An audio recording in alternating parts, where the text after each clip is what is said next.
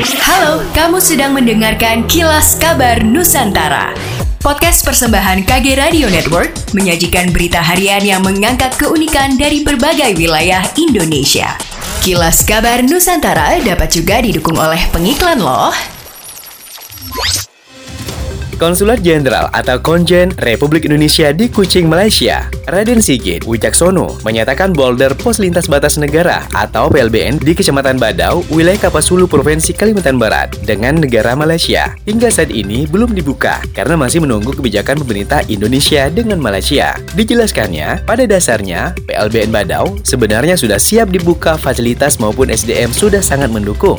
Raden Sigit juga berharap dalam waktu dekat boulder PLBN Badau di wilayah Kabupaten Kapasulu, Provinsi Kalimantan Barat sudah dibuka, sehingga bisa melayani perlintasan orang dan barang secara normal. Sebelumnya, Sabtu 18 Juni 2022, Konjen Republik Indonesia di Kuching telah meninjau PLBN Badau dan juga meninjau pelayanan keimigrasian, pelayanan karantina kesehatan, serta pelayanan alur keluar masuk barang antar negara. Happy birthday to you. Happy birthday to you. Eh, eh, siapa sih yang ulang tahun? Ini loh, podcast network favorit gue, Medio by KG Media. Seneng banget, di ulang tahun yang pertama kali ini, ada banyak special episode di podcast-podcastnya. Oh ya, lagian lo girang banget sih, gue kira elu yang ulang tahun. Pastinya, soalnya ada banyak rangkaian lain juga, mulai dari webinar, Twitter Space, sampai kuis berhadiah. Makanya, yuk cek Spotify dan YouTube Medio by KG Media sekarang. Wah, menarik banget. Yuk kita cek sekarang.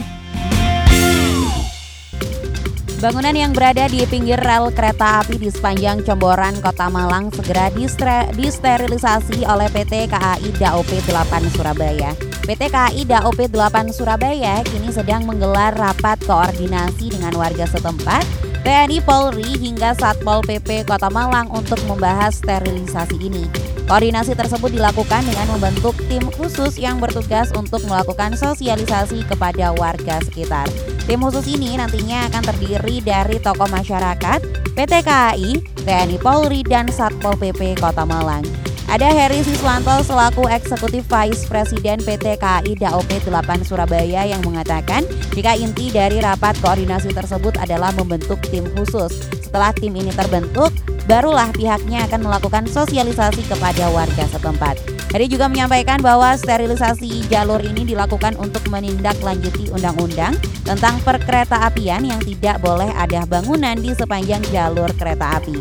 Mekanismenya bangunan yang berada di samping kanan kiri jalur rel kereta api yang nantinya akan digusur sejauh 6 meter oleh PT KAI. Maka dari itu, sebelum sterilisasi ini dilakukan, PT KAI ingin memberikan sosialisasi dan edukasi kepada masyarakat terkait hal tersebut. Kepala Dinas Ketahanan Pangan dan Pertanian Sumatera Selatan, Ruzan Effendi menjelaskan, vaksin yang ditujukan bagi hewan ternak bukanlah untuk treatment atau pengobatan hewan yang terpapar penyakit mulut dan kuku atau PMK, melainkan sebagai pencegahan. Maka dari itu dirinya menghimbau apabila terdapat sapi yang sudah sakit untuk melakukan pengobatan dengan vitamin, ramuan herbal atau obat lainnya. Selain itu, vaksin dikabarkan juga akan sedikit terlambat tiba di Sumatera Selatan. Hal ini dikarenakan beberapa wilayah yang menjadi prioritas dalam penanggulangan penyakit mulut dan kuku. Terkait jumlah yang diminta, Ruzan menyebutkan Sumatera Selatan telah mengajukan sebanyak 500 ribu vaksin yang mana akan diberikan kepada wilayah dengan jumlah hewan ternak lebih dari 2.000 ekor.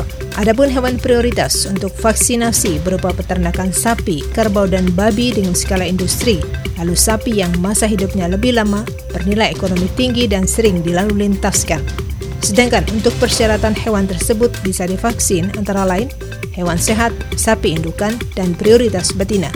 Untuk anakan sapi atau pedet bisa dilakukan vaksin sejak umur 2 minggu. Demikianlah kilas kabar Nusantara malam ini.